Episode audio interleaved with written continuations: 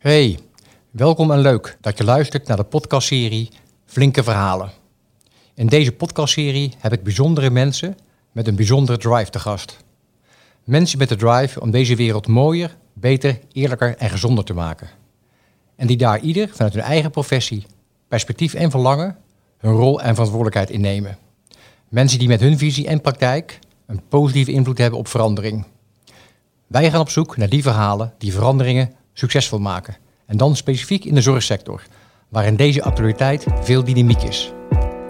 Mijn naam is Barry Popma van Flink Veranderen.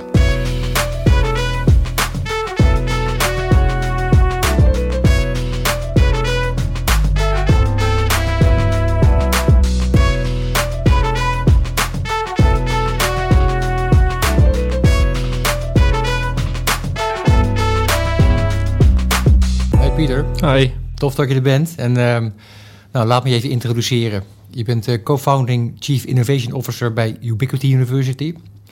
En naast je ervaring als oprichter en leider van meerdere organisaties... heb je een brede ervaring in het begeleiden van integrale veranderprocessen. Bij wereldwijde organisaties, eh, overheden en multi-stakeholder initiatieven. Je bent een erkende autoriteit eh, op het gebied van evolutionary system dynamics... en auteur van boeken zoals Evolutionary Leadership en Why Work on designing work for people and planet. Nou, een hele mond vol, maar een mooie oeuvre in eh, die zin, eh, Pieter. Dus uh, nogmaals, uh, tof dat je bent. Ik ben er trots op dat je de tijd hebt kunnen maken om hier te zijn.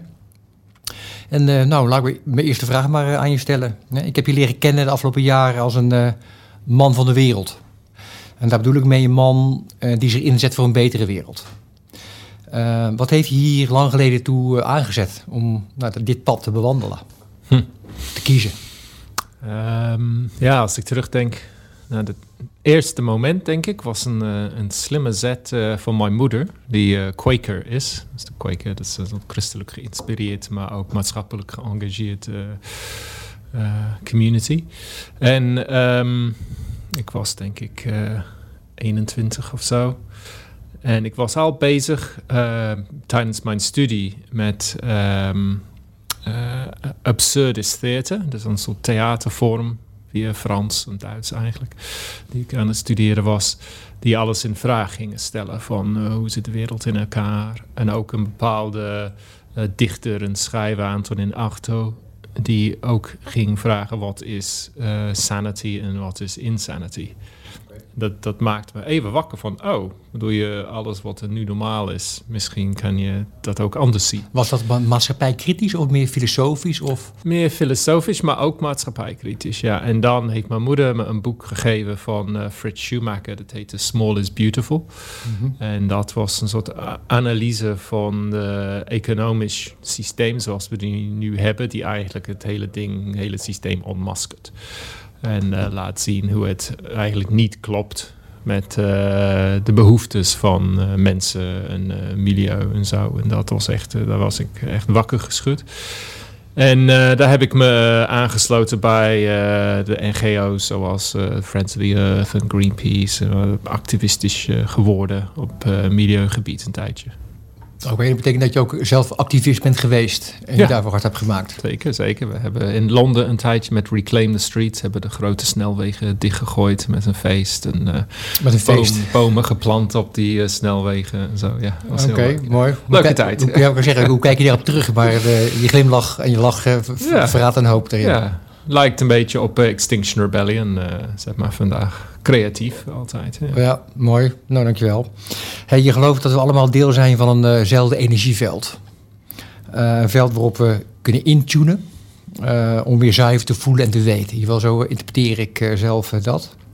Voor veel mensen is dit nog een vrij onbekend terrein. Kun je ons een beetje meenemen in de essentie van dat, van dat denken? Ja, eigenlijk moet je het zo zien een beetje als het lichtspectrum. er is een deel van het lichtspectrum die we kunnen zien. Maar we accepteren dat er ook een deel is van dat lichtspectrum wat we niet kunnen zien. Mm -hmm. nou, eigenlijk wat de nieuwe wetenschap zegt, is alles is informatie. En je kan, uh, die informatie heeft bepaalde uh, niveaus van dichtheid. Frequentie, is dat een frequentie ja, of anders? Ja, frequentie heeft wel met die dichtheid te maken. Dus de die die zijn eigenlijk in golven. Mm -hmm. En die golven, als die dichter worden, dan krijg je wat je, wat je noemt standing waves.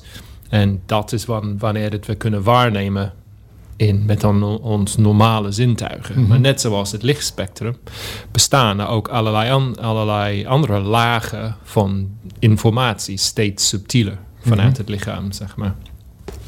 Dus dan heb je wel een. eh, eh, eigenlijk is da- daarom als mensen zeggen alles is verbonden met elkaar, dan klopt het echt letterlijk ook vanuit de wetenschap. Omdat al die informatie, ehm, dat is eigenlijk altijd aan het communiceren eh, met elkaar. Dus je moet je voorstellen, een soort, ja, net zoals die lichtspectrum, een soort spectrum van informatie, van, eh, van het meest subtiele tot het, eh, tot het meest dichte, die we dan kunnen waarnemen met, met ons zintuigen. En dat wat we niet waar kunnen nemen, is zich aan het vormen, letterlijk in formatie. Mhm. En dus je kan ook eh, contact eh, maken en die velden van informatie beïnvloeden die zich aan het vormen zijn. Dus Ah. bijvoorbeeld als je, eh, je zou een ziekte bijvoorbeeld op ku- kunnen, kunnen vinden in de informatievelden van iemand voordat het zich manifesteert in het lichaam. Heb ik twee, nou meer vragen, maar laat ik beginnen met, met één. Ehm, want je zegt, de wetenschap die toont dat. Maar eh, welke wetenschapveld hebben we het dan over, eh, Pieter? Moet je eigenlijk denken aan wat er al, al heel lang bestaat, is de hele kwantumfysica. Ja. En dan de laatste ontwikkelingen daaromheen, eh, vooral van de wetenschapper Nassim Haramein, die alles eigenlijk waarneemt in, in, in een soort in een torus. Mhm. Dus een soort, ja, ik weet- is dat een Nederlands eh, woord? Ik weet Nee. niet, maar ik weet wat je bedoelt. Want Ja. ik, ken, ik, ken, ik ken de tekening van het, van het, pla van Ja, het is net plaatje. zoals als je, als je de eh dingen uit, de, uit je bad neemt. Zeg, dat, dat het een Vortex-achtig. Vortex-achtig, ja. Ja. Eh, dat eigenlijk ook op alle niveaus, van het kleinste plank eh, niveau tot de, tot de planeet in de galaxie, zie je dezelfde dynamiek en dezelfde vorm.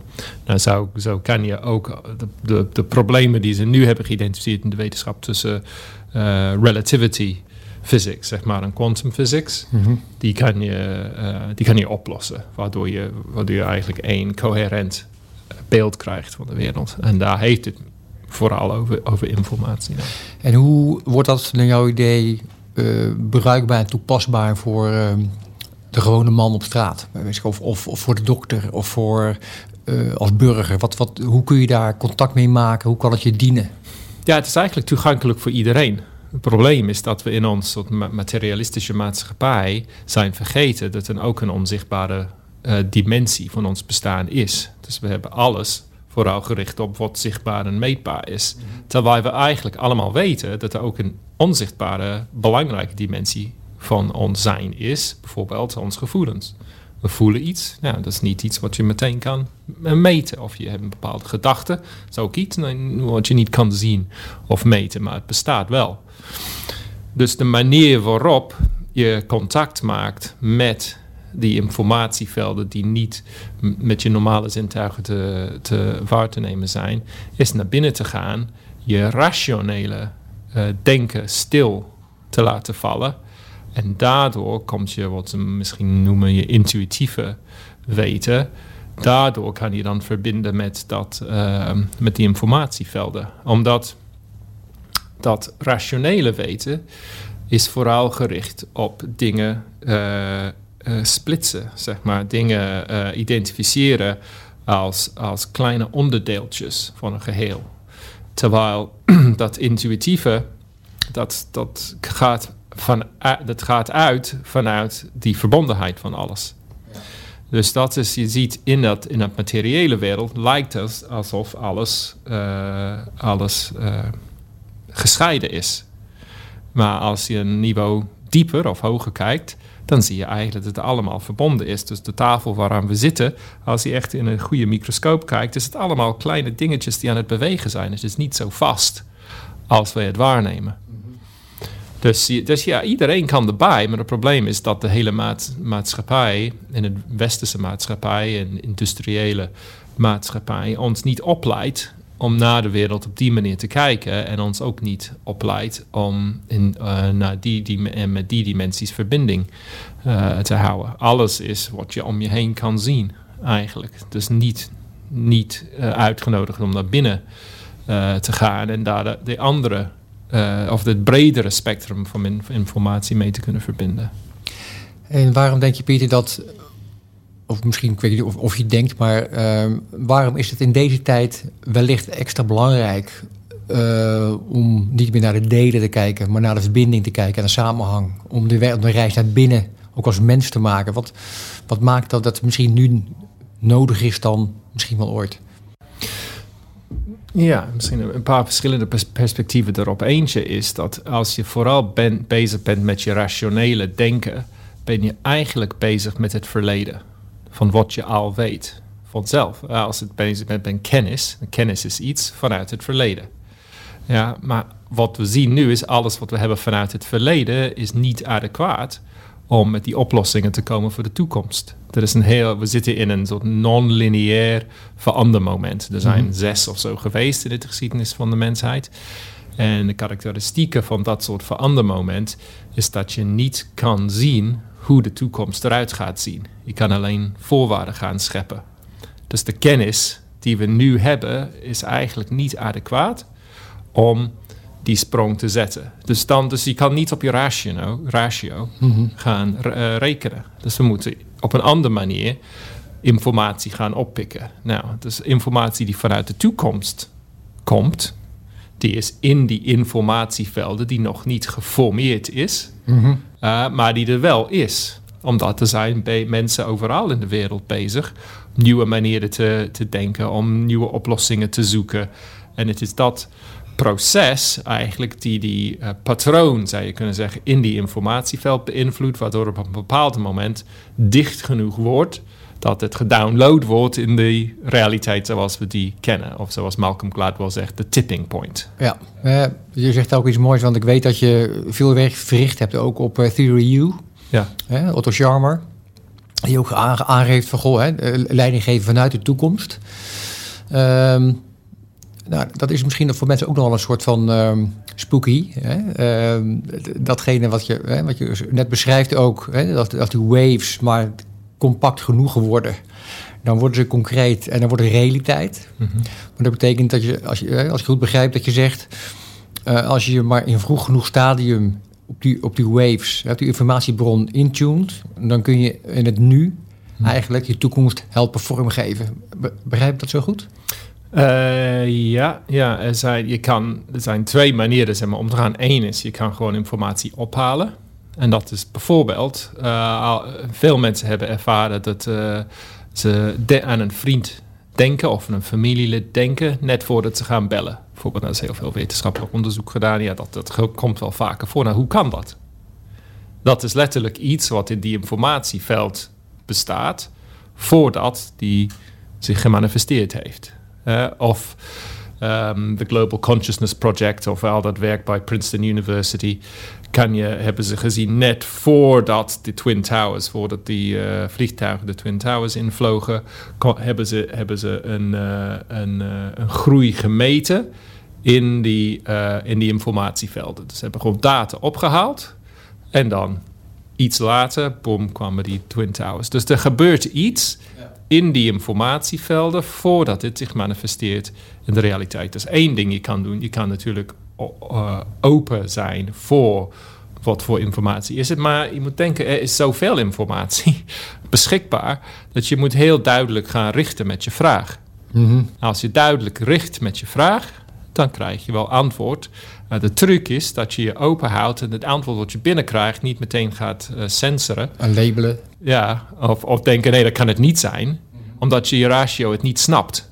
Ja, en afwijst. Je moet het even binnenlaten en opschrijven of zo. En dan kan hij, ermee, kan hij terugkomen met de rationele hoofd. Maar je moet die eigenlijk even uitschakelen. Dat hebben ook, ook, ook dat onderzoek. Bijvoorbeeld in de Koude Oorlog hebben ze heel veel met uh, parapsychologie uh, bestudeerd. Omdat ze wilden weten, ook kunnen we van afstand zien wat iemand in, op een bepaalde plek heeft. Hebben ze daar wapens liggen? Ja. Ze noemen het remote viewing. Mhm. en dat hebben de Russen en de Amerikanen allebei, de, allebei gebruikt. Waardoor je, je geeft iemand wat uh, een plek op een kaart of zo. En gaat hij erop afstemmen en krijgt die beelden binnen van wat, uh, van wat er echt is. Nou, dat kan, kan iedereen eigenlijk leren. Maar omdat het niet past in de materialistische wetenschap die we nu hebben, Ja. eh, vinden we dat raar. Maar het is eigenlijk heel normaal. Dus één manier is je kan informatie ophalen. Dat is een soort passieve eh, intuïtie. De andere is je kan die velden beïnvloeden met je intentie. Aha, ja. Ja, en dat is dus, dus je, je hebt het op. Ze hebben ook veel onderzoek gedaan naar, naar de kracht van, eh, van bidden, bijvoorbeeld. Nou, dat laten, eh, ze zien ook dat dat ook echt als een groep mensen samen, met een samen collectieve intentie iets gaan doen, eh, of een intentie op iets gaan richten, hebben ze eh, meetbare invloed. Princeton University hebben ze 28 jaar lang in de engineering afdeling onderzoek gedaan naar hoe, mens, hoe, hun, hoe je intentie eigenlijk de machines om je heen beïnvloedt die anders random zouden zijn. En Nou, ik kan me nog herinneren. Pieter, ik vertelde het verhaal van de week aan een, eh, aan een vriend van me, dat eh, de Random Event Generator, hè, waar je op re- refereert, dat ik een keer bij je thuis was en je zei, Barry, ik heb zo'n ding. En nou, laten we eens kijken. En ik Ja. vind het nog steeds een on- ongelooflijke ervaring eh, hoe, hoe dat werkte. Ja, Ja, en Ja, dat, ik, dat ik toen nog probeerde met mijn mind te sturen. En dat het toen niet ging. ja. Maar toen ik op een ander level probeerde in te tunen, het opeens wel werkte. Dus nou, Ja. ik zal de luisteraars er niet al te veel mee vermoeien, mee vermoeien. Maar het was een bijzondere ervaring. Maar dat, dat, was, dat, dat gaat over dat eh, ophalen en sturen in het, eh, ja. in het, in het veld. Precies, en het zijn, en het zijn kleine invloeden, maar eh, na 28 jaar bij Princeton, statistisch gezien is, de, is, is, is het 1 in een biljoen is de kans dat het toeval is wat ze hebben ontdekt. Echt gewoon vanuit de wetenschap statistisch gezien. Dus, dus je, ze, ze zeggen ja, we hebben gewoon bewezen dat mensen met hun intentie en hun gevoelens de realiteit om zich heen kunnen beïnvloeden. Nou, het is een, een kleine invloed. Dus je kan, je, zou niet maar, de uitkomst van de loterij bijvoorbeeld ermee kunnen winnen. Maar als de rest random is en, en jij wel duidelijk of een groep duidelijk is met de intentie, dan creëer je een soort aantrekkingskracht. Dus Ja. je verhoogt de waarschijnlijkheid, de probability dat iets gaat gebeuren. Maar je kan nooit zeggen, ik kan dat, oh, we kunnen, dat, we kunnen alles manifesteren wat we willen. Bijvoorbeeld de film The Secret, eh, Mhm. die straks uitkomt, of eh, waar het boek van is. Dat is allemaal opgeblazen, veel groter dan het eigenlijk, dan het eigenlijk is. Is het niet dat je, dat je zeker weet, oké, als ik op een Lamborghini eh, ga eh, richten, dat die zeker manifesteert. Nee, omdat er speelt van alles. Er zijn van allerlei dingen die trekken aan die realiteit. Maar ik hoor je ook eigenlijk nou, ik, eh, zeggen, ehm, ook al is het klein, ook al is het een, hè, een kleine invloed, eh, het matters. Ja. Ja. En eh, omdat het uitmaakt, eh, neem dan ook, wij spreken als mens de verantwoordelijkheid. Dat is mijn eigen interpretatie hoor, maar neem ook de verantwoordelijkheid om, ook al is je invloed maar zo klein, eh, vele kleintjes maken groot werk. Dat is een beetje wat, wat ik daarin terug hoor ook. Ja, en ik heb eh, laatst heb ik Brenda Dunn eh, geïnterviewd. Het was de vrouw die eigenlijk dat onderzoek in Princeton heeft getrokken. En ik, en ik vroeg haar, wat heeft het gedaan met jouw beeld van de wereld, zeg maar? Hoe Mhm. heeft het jou beïnvloed? En ze zei, denk ik, het belangrijkste is, is dat je gewoon echt verantwoordelijkheid moet nemen voor je gedachten en je emoties. Ja. Om die hebben meetbare invloed om de, aan de wereld om je heen. Dan toch even terug naar mijn vraag. En waarom denk je dat het ehm, in deze tijd, of denk je dat het in deze tijd extra belangrijk is om nou, dit gedachtegoed en deze verantwoordelijkheid eh, meer te nemen? Wat Ja. maakt deze tijd anders voor je? Ik denk de grote uitdaging waar we voor staan is eigenlijk vanuit een perspectief van eh, verbondenheid en interconnectedness te gaan werken en oplossingen te zoeken.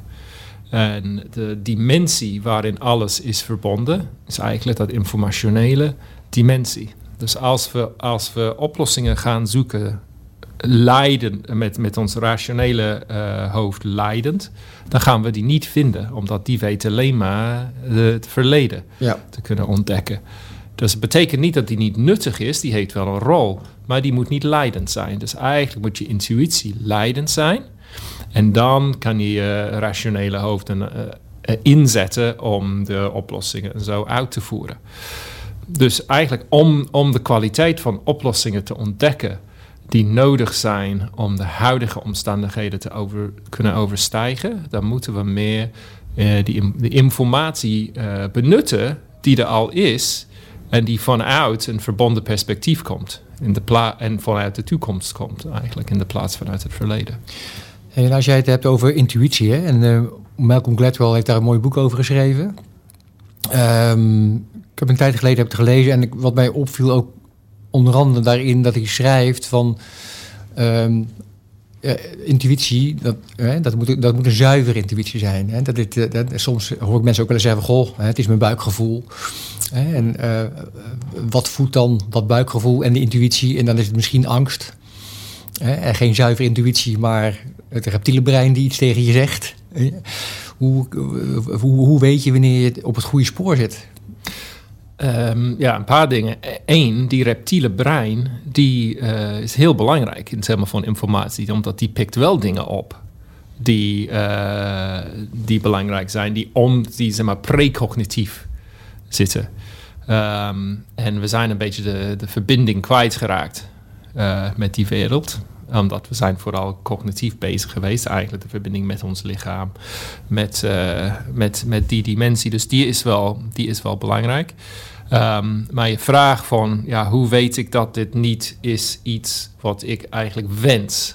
Ja. Of, of vanuit angst uh, Precies, komt. Ja. Dat is, dat is het innerlijke werk die uh, we te doen hebben. Dus ja, kan iedereen hierbij? Ja, iedereen kan erbij.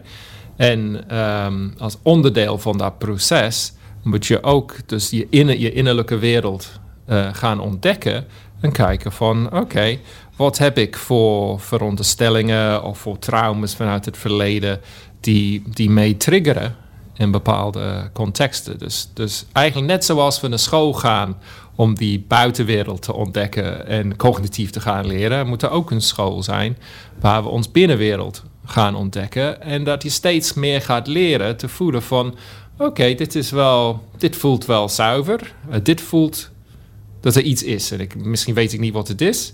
Maar ik merk wel dat, die, dat, dat, dat het anders voelt. En dat is gewoon een, um, ja, dat is gewoon een leerweg eigenlijk die je hebt. Maar iedereen kan het. Het is niet iets voor speciale mensen. Ze hebben het ook in Princeton Studio ontdekt. Iedereen kan dingen beïnvloeden. Uh, maar het helpt, wordt steeds sterker als je dan meer gewend bent om, om, om in verbinding te zijn met je innerlijke wereld. Of ook met je hart, kan je ook simpelweg zeggen. En is dat een leerweg, Pieter, een school die je ook uh, thuis in je eentje op de bank uh, kunt bewandelen? Of, uh, of is dat school een, een, een, mentor of een. Welke school is daarvoor?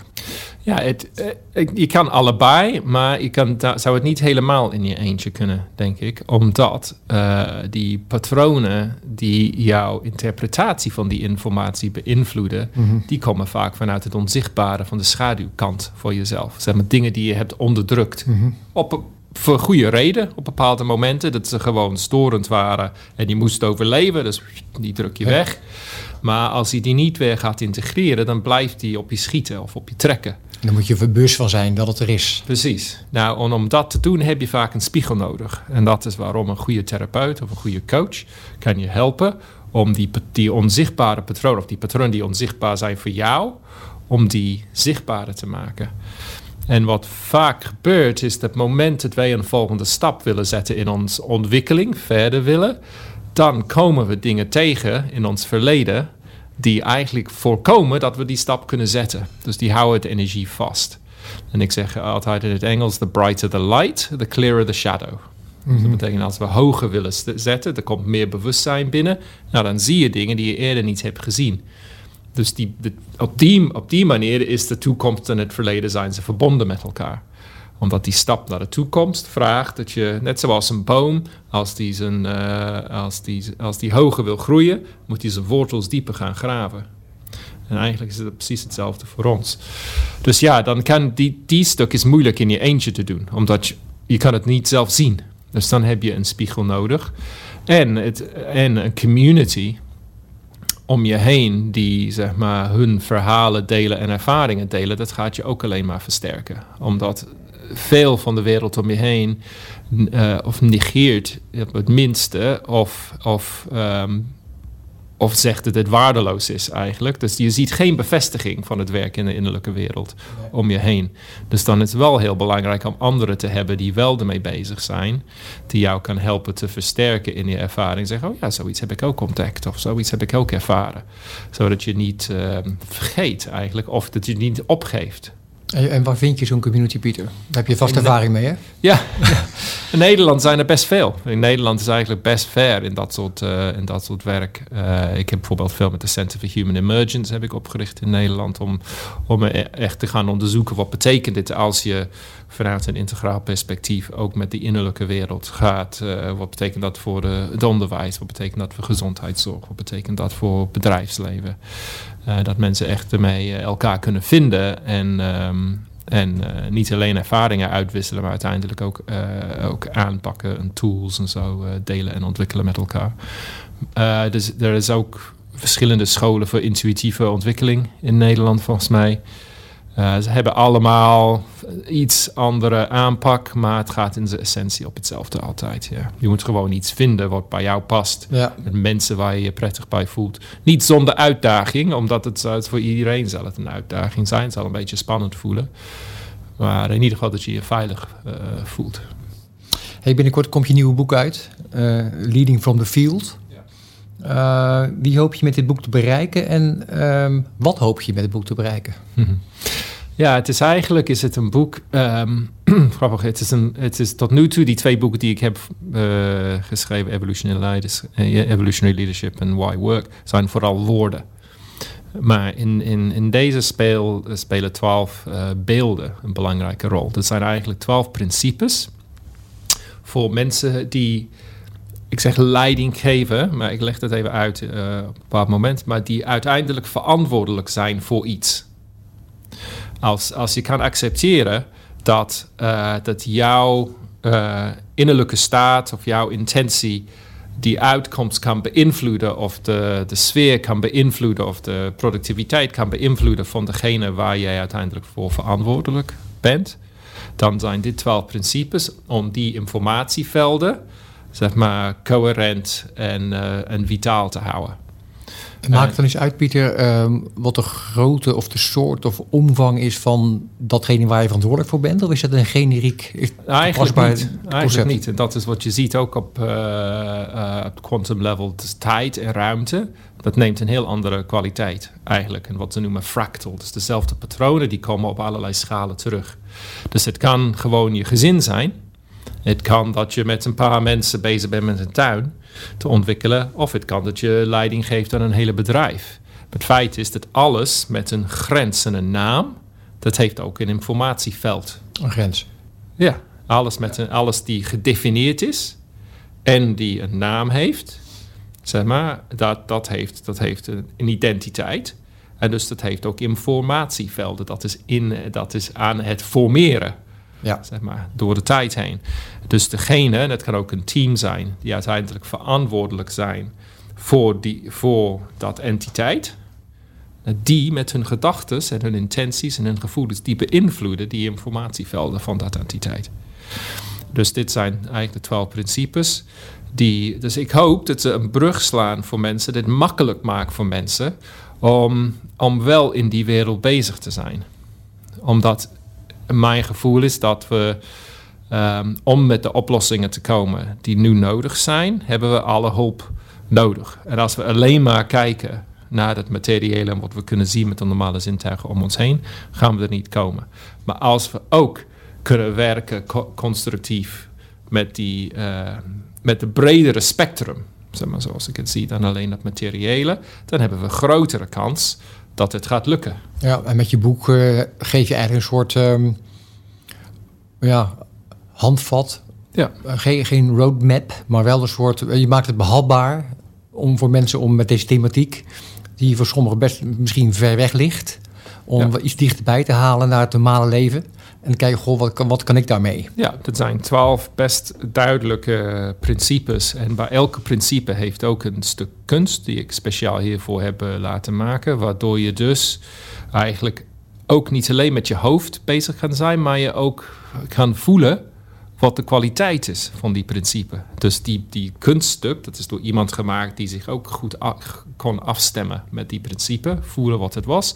En dan krijgen ze beelden binnen zeg maar, die daarmee resoneren. En dan gaat ze dus een, uh, een kunststuk van maken. een schilderij van maken. dus maar voor jou is, is dat kunstelijk ook gemaakt in het kader van dit boek? Begrijp ik het goed? Ja. En wat, hoe twaalf schilderijen eigenlijk. Oh, twaalf schilderijen op de, op de twaalf principes? Ja. Dus voor elk principe, je kan hem cognitief aanpakken, maar je kan gewoon ook gewoon naar die schilderij kijken. En, en vanuit je hart maar voelen van oké. En zo integreer je de energie en die informatie van die principe meer dan alleen cognitief. Ja, dus dan walk, walk, we walk the talk, ja, zeg maar, waar ik het over heb. Dat het niet alleen een cognitieve oefening wordt. Ja, ook een eerste oefening om uh, informatie te herkennen, toe te laten en te kijken wat het met je doet en of je het uh, kan, kan oppikken. Ja, mooi. Ja. Hey Peter, als je terugkijkt hè, op, de, op de afgelopen jaren, wat je zo gedaan hebt en nou, je hebt een aantal inspirerende concepten, um, zoals Dynamics onder andere naar Nederland gebracht. Mag ik wel zo zeggen, denk ik, hè? Ja. Uh, je hebt op wereldpodia gestaan en gesproken over hoe, hoe, we onze aarde aan het opgebruiken zijn. En uh, nou, ik heb ook een keer een heel mooi gedicht van je gehoord, uh, van je broertje. Mm -hmm. Wat jij met veel passie en bevlogenheid voordroeg. Um, en stel je zit thuis op de bank en je kijkt dus terug op wat gaat er dan door je heen? Voel je dan trots, teleurstelling? Uh, ben je nog even strijdvaardig als altijd? Of hoe, kijk je terug op je eigen reis? Ehm, met een glimlach van wat het leven zich heeft veroorzaakt via mij, eigenlijk. Dan zo zie ik het van, oh ja, kijk, dit is dan gebeurd, en dan is dat gebeurd. En grappig dat het op die manier ging. Ehm, dus niet met een. Ja, niet met een uh, ik ben niet bezig met. Oh, misschien had ik dat moeten doen. Of dat beter moeten doen. Of dat. Omdat het is gewoon wat het is. En uh, dat heeft dus geen zin. Maar ik vind het wel een mooi. Uh, ik vind het wel een mooi pad. En ja, de reden waarom ik ook nu zeg maar, met die boeken bezig zijn. Er komen nog twee uh, na Leading from the Field. Komt, ik heb dus mijn, mijn PhD-onderzoek gedaan rondom evolution theory. Dus eigenlijk wat ik zeg, evolutie is te lineaire concept. En ook samen met die torus-concept kan je het beter uitleggen via evolution, wat eigenlijk spin betekent. En dan die, uh, het andere is, heet The Pain and the Promise. En dat gaat erom hoe we eigenlijk die dingen in onszelf moeten integreren om toegang te kunnen krijgen tot die belofte van die ook te kunnen werken met die informatievelden en zo. Maar ik heb op een bepaald moment besloten van ik, dit heb ik allemaal, dit moet gewoon eruit. Dus ik zit nu in een fase van oké, communiceren, dingen publiceren. Uh, dat had ik een tijdje gedaan toen ik jou eerst ging leren kennen. Dan heb ik ongeveer zeven jaar was ik bezig met uh, Ubiquity, ben ik nog steeds, maar was ook niet echt mezelf op het podium aan het zetten. Het was mhm. meer het podium voor anderen. En ik was bezig gewoon met mijn eigen reis van oké, wat is mijn volgende verhaal? En uh, nou, die is een beetje, die is nooit op natuurlijk. Maar de volgende, uh, is genoeg duidelijkheid of is genoeg uitgekristalliseerd voor mij nu om te voelen: oké, dit moet er nu de wereld in. Uh, dus we gaan meer van jou zien, in die zin. Ja, dat, is een mooi voorland, uh, zeker. Hey, en, um, en dan even een stapje terug naar een, iets wat we net ook benoemden. Hè. Eh, op, op, verschillende momenten in de geschiedenis werd er gesproken over een, um, een tipping point, hè, wat je net al, uh, ook al noemde. Er is een, eigenlijk een punt, uh, zoals ik het zie, waar een soort quantum leap wordt gemaakt en wordt de toekomst misschien wel geschreven wordt of, of beschreven of herschreven wordt. Nou, ik zei al, je hebt veel gedaan met Theory U. Um, hoe is het nu in deze tijd toepasbaar? De, de, die quantum leap. Heb je het idee dat we nu ook op zo'n tipping point zitten? Dat we het nu echt verschil met elkaar kunnen en mogen en misschien wel moeten maken? Is er, wordt er ons een kans voor gehouden om te springen? Ja, ik denk wel dat we in zo'n proces zitten. Uh, maar die, uh, een van de uh, karakteristieken van non-linear change of van die tipping points is dat je nooit kan voorspellen wanneer dit gaat gebeuren. Dus dat moeten, moeten we ook een beetje loslaten. Kun je het wel herkennen? Je kan het herkennen als het uh, gebeurt, denk ik, vaak als je terugkijkt. Maar het is dat moment waar, waar die dingen die uh, tot nu toe een beetje raar en uh, um, een beetje weg werden gezet als uh, idealistisch of oh nee, dat kan niet zo of nee, dat klopt niet. Op een bepaald moment dat dat een beetje de norm wordt, waar opeens mensen die, die dat niet aankonden of zo, of dat het niet zag zitten, zeggen ja, natuurlijk, heb ik ook altijd gedacht. Weet je, maar het is alsof het zich downloadt overal. En, uh, en het een beetje de norm wordt. Heb je daar een voorbeeld van, deze tijd? Dat je, goh, in deze tijd? Ja, wat, wat, wat hebben wij voor ons weg, van ons weggeduwd of vooruitgeschoven? Maar dat is nu een onderwerp wat eigenlijk nu meer platform heeft en acceptatie dan ooit. Maar ja, nou, één, één voorbeeld misschien. Ik, ik, hoe, hoe ik hier ben naartoe gekomen. Ik ben dus hier naartoe gekomen in een auto die van een deelauto uh, My Wheels uh, programma is. Dus ik heb zelf geen auto. Het is een volledig elektrische auto. Het is geen Tesla, het is gewoon een Skoda. En uh, die zit geparkeerd in een parkeerterrein in Culemborg die overdekt is met zonnepanelen. En die wordt gewoon de hele tijd met de zon opgeladen. Dus nu rij ik helemaal CO2-vrij. Ja. en en dat, dat lijkt nu best normaal hè, voor ons. Ehm, ik weet dat het niet voor iedereen normaal is, maar als je een aantal jaar geleden had gezegd: uh, je zit gewoon met een auto uh, die via de zon wordt opgeladen en uh, je hoeft niet te gaan tanken en zo. Um, en ook nog dat die, dat die, dat die laad parkeerterrein, zeg maar, ook via de community ge, ge, uh, zeg je dat, uh, gefund wordt. Mm -hmm. Dus door een crowdfunding eigenlijk initiatief. Uh, dan zie je, ja, dit is eigenlijk de toekomst. Wat het kan. Wij hoeven niet op de overheid te wachten. We kunnen het ook zelf regelen. Ja. En we kunnen met oplossingen komen die eigenlijk positief zijn voor, voor mensen en, pla en planeet. Dus ik zie wel die voorbeelden. En we zijn ook nu bezig via Ubiquity met iets dat heet Humanity Rising. En dat is elke dag een broadcast van twee uur, nu anderhalf uur, van mensen die naar een positieve post-corona uh, toekomst kijken. En, daar zit, en al die oplossingen die liggen er gewoon. Dat doen we sinds 22 mei. We zijn nu op, op uitzending 110 mm of zo. En er zijn er 8000 mensen die ze hebben ingeschreven, honderden sprekers. En, uh, dus die oplossingen zijn er wel. Het is nu gewoon dat mensen de moed hebben om, die te, gaan, inzetten. Ja, precies. Ja. Hey, en aan, aan, welke knop zouden we moeten draaien, Pieter, om, um, uh, om de stap te maken van inspiratie naar doen? Ja, ik denk, voor mij is de essentie van waar we nu mee bezig is uh, om, om, om, de, om de belichaming van die ideeën te krijgen. Is in en dit is mijn, maar dit is, dit is hoe ik het zie in termen van de essentie, is dat in ons menselijke ontwikkeling, op een bepaald moment waren we drie miljoen jaar bezig als hunter-gatherers. En dat was een, een uh, fase waar we waar precognitieve ontwikkeling. Dus we waren niet bezig met het cognitieve. We, waren, we gaan meer, veel meer met instinct bezig en het voelen.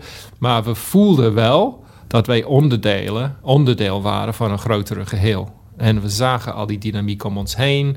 We zagen ook wat van die andere informatievelden die we dan uh, uh, verhalen eromheen bouwden, die mythes, die, uh, mythologieën en zo. Maar wij waren, onze ervaring was dat wij onderdeel waren van de aarde. Ja. dat was, maar dat was wel geen gedachte zo. Ja, dat, was geen concept, dat was, was, een weten. Ja. Dat was een weten. Ja. En, en toen zijn we een stap gaan zetten waar ons uh, ego vanuit psychologische uh, zin zich heeft ontwikkeld. Waardoor we die ervaring hebben meegemaakt dat wij, de, ik, ben ik, ik heb mijn eigen identiteit, ben jij, je hebt ook je eigen identiteit. En met die stap kwam ook het, het concept van lineaire tijd. Dus voor die tijd hebben we tijd niet ervaren als lineair, maar als circulair.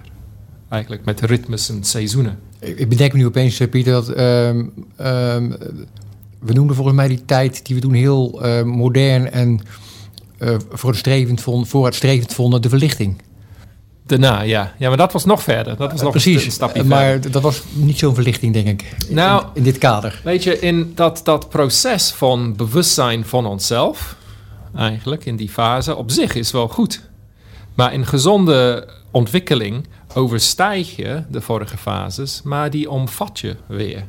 Dus die neemt het beste van mee. mee. Ja. En wat wij hebben, en die moet wel ruimte maken. Als je van een bepaald stadium naar het volgende moet je even je afzetten tegen de vorige. Maar dan krijg je de ruimte en dan in gezonde ontwikkeling neem je die weer mee. Anders krijg je een trauma. Anders neem je iets en die zet je weg. Maar dat is eigenlijk de weg die je zelf hebt bewandeld om te komen waar je nu bent, maar die negeer je dan. En dat betekent dat je ontworteld raakt. Nou, wat wij collectief vanuit het Westen hebben gedaan, is eigenlijk, we hebben eh, dat, dat periode van, van, gewoon, van instinctieve voelen van uh, onderdeel zijn van de aarde, hebben we over, over, overstegen, maar die hebben we onderdrukt. Ja. Vanuit de angst voor de wildernis, uh, voor dat wilde kant die we eigenlijk opeens wilden gaan controleren. En toen zie je met die religies die dan ontstaan in die tijd, wordt, uh, wordt waarheid zeg maar, buiten het materiële gezet.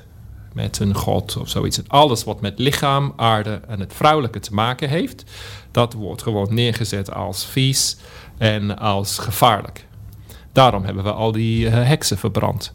Uit dat gevoel van we moeten weg van dat. Die hadden directe ervaring. Die konden direct met, uh, met de aarde en zo uh, werken en met die energieën werken. Hey, betekent dat dan, Pieter, dat um, hè, je zegt dan dat er, dat er een, als je afscheid neemt, onbewust onbedoeld van het verleden, dat, dan creëer je feitelijk een trauma. Ja, en ja. Uh, dan houd je weg van unity, om zo maar te zeggen. Hè? Ja, maar dat was een fase van precognitieve unity, zou je kunnen zeggen. Ja. Gewoon de ervaring van alles als één en verbonden. Toen zijn we die stap aan het zetten. Toen hebben we die stap gezet waar we alles uh, uh, eigenlijk uit elkaar hebben gehaald. En op zich wel is het goed om te, uh, merken dat alles een eigen identiteit heeft. Maar als je die vergeet dat het ook allemaal verbonden is, weet je, dan, dan, dan, zie je, dan ga je in een subject-object uh, verhaal komen. En als ik, als ik ben en een iets anders is wat niks met mij te maken heeft, dan kan ik alles aan die ding doen. -hmm. Dus dan kan ik de aarde gewoon gaan exploiteren. Dan kan ik mensen gaan exploiteren. Dan kan ik mensen uh, ombrengen zonder dat het mij raakt. Of in ieder geval, ik voel niet en denk niet dat het mij raakt. Terwijl het jou echt wel raakt. Dus voor mij is de essentie van nu... is dat we die splitsing die we hebben meegemaakt... die moeten we weer gaan helen en integreren. Dus we moeten ons gaan herinneren dat wij de aarde zijn. Dus dit is, ik ben de aarde die nu met zichzelf praat. Ja. Dat is gewoon waar. En dat is terug naar het allereerste stuk van het gesprek. Daar moet je het herinneren, herinnerlijken. Uh, dat contact moet je zien te herstellen. En dat doe je onder andere door een reis naar binnen te maken en uh, daar op zoek naar te gaan. Ja, omdat als we ons herinneren dat wij de aarde zijn, dus jullie zijn de aarde die naar zichzelf luistert op dit mm. moment. Ja. De aarde zoekt nu hoe kunnen we het experiment van de mensheid, van bewustzijn van onszelf, hoe kunnen we dit verder zetten? Of is het niet verder te zetten? Dat is ook een mogelijke uitkomst. Ja. Maar die, die stap moeten we zetten om dat te herinneren, omdat dan komen we ook weer in contact met ons lichaam. Lichaam, aarde, vrouwelijke zijn allemaal verbonden aan elkaar qua concepten. En die ervaring moeten we weer hebben. En dan worden de keuzes, wat ik noem met het Engels, de choiceless choice omdat als wij de aarde zijn, dan waarom zouden we ooit iets gaan doen die schade richt ja. aan de aarde? En dan gaan we het gewoon doen. En zo, zo ga je van het concepten, zeg maar een ideeënwereld, Mhm. mm -hmm. die op dit moment in, de, in, in onze westerse beschaving uh, uh, uh, gescheiden is van de ervaringswereld. We zijn heel veel bezig in die ideeënwereld.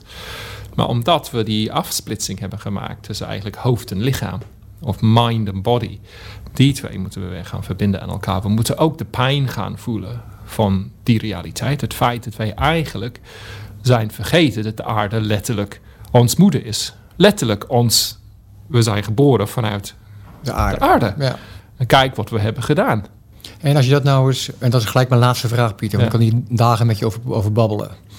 Um, als je dat terugbrengt naar de realiteit van uh, bestuurders, leidinggevende, uh, frontliniewerkers in de zorg, die nu in deze tijd uh, toch ook weer opnieuw voor een immense opgave staan. Um, en misschien juist wel nu. Zo'n nieuw gevoel, zo'n herinnering weer. Nou, dat gun je de mensen. Ja. Omdat er van daaruit andere antwoorden komen. Maar ja, ga er maar eens aan staan. Hè? In de hectiek en de druk van binnen en van buiten. Welke tip of welk perspectief zeg, of weet je, welk, wat, wat zou je deze mensen willen meegeven om zo'n eerste stap maar eens te maken in deze nou, toch mo moeilijke tijd voor veel mensen? Nou, ik denk dat het geen luxe is als je de tijd voor jezelf neemt om weer even te verbinden eigenlijk met wie je bent. En dat is je bent de aarde, je bent de natuur. Dus neem even de tijd ergens, weet je, te gaan zitten en dat echt binnen te laten. Omdat wat dat geeft, is dat geeft een rust. Omdat we weten dat, oh ja, we zijn eigenlijk niet alleen. We zijn niet in ons eentje, we zijn onderdeel van een heel groot systeem. Wij kunnen het niet allemaal controleren. Er is heel veel die gaan. Ik kan mijn stukje leveren. Maar ik moet niet gaan denken dat ik dat alles zelf kan doen. En dat hoeft ook niet. En dan kom je dus in je lichaam. Daar gaat je hoofd gaat minder snel draaien. Krijg je meer rust. En wat je zal vinden als je dat doet, dat je dan weer toegang krijgt tot, tot de intuïtieve. Ja. En tot het veld. Dus je, maar dat kan je niet doen vanuit je snelle ratio. Dus je moet eigenlijk de rust gaan vinden door weer te verbinden met jezelf en met de wereld om je heen. En te herinneren dat, dat, uh, dat je het niet allemaal zelf kan doen. En hoeft te doen. En hoeft te doen. Ja, en dan komt er een enorme spanning, uh, uh, ontspanning, valt dingen van je schouders af. Maar dan zal je zien dat je wel effectiever wordt. Ja. Omdat dingen zal vanzelf meer gaan komen, in synchroniciteit of in de flow. En ook al zijn dat small steps, uh, als iedereen dat op zijn manier doet, beetje bij beetje, dan creëren we een groter veld van bewustwording en daarmee ook uh, creëren we andere uitkomsten. Ja, dan wordt, je wordt gewoon effectiever van. Oké, nou Pieter, bedankt voor dit mooie gesprek en nou, tot later. Ja, graag gedaan.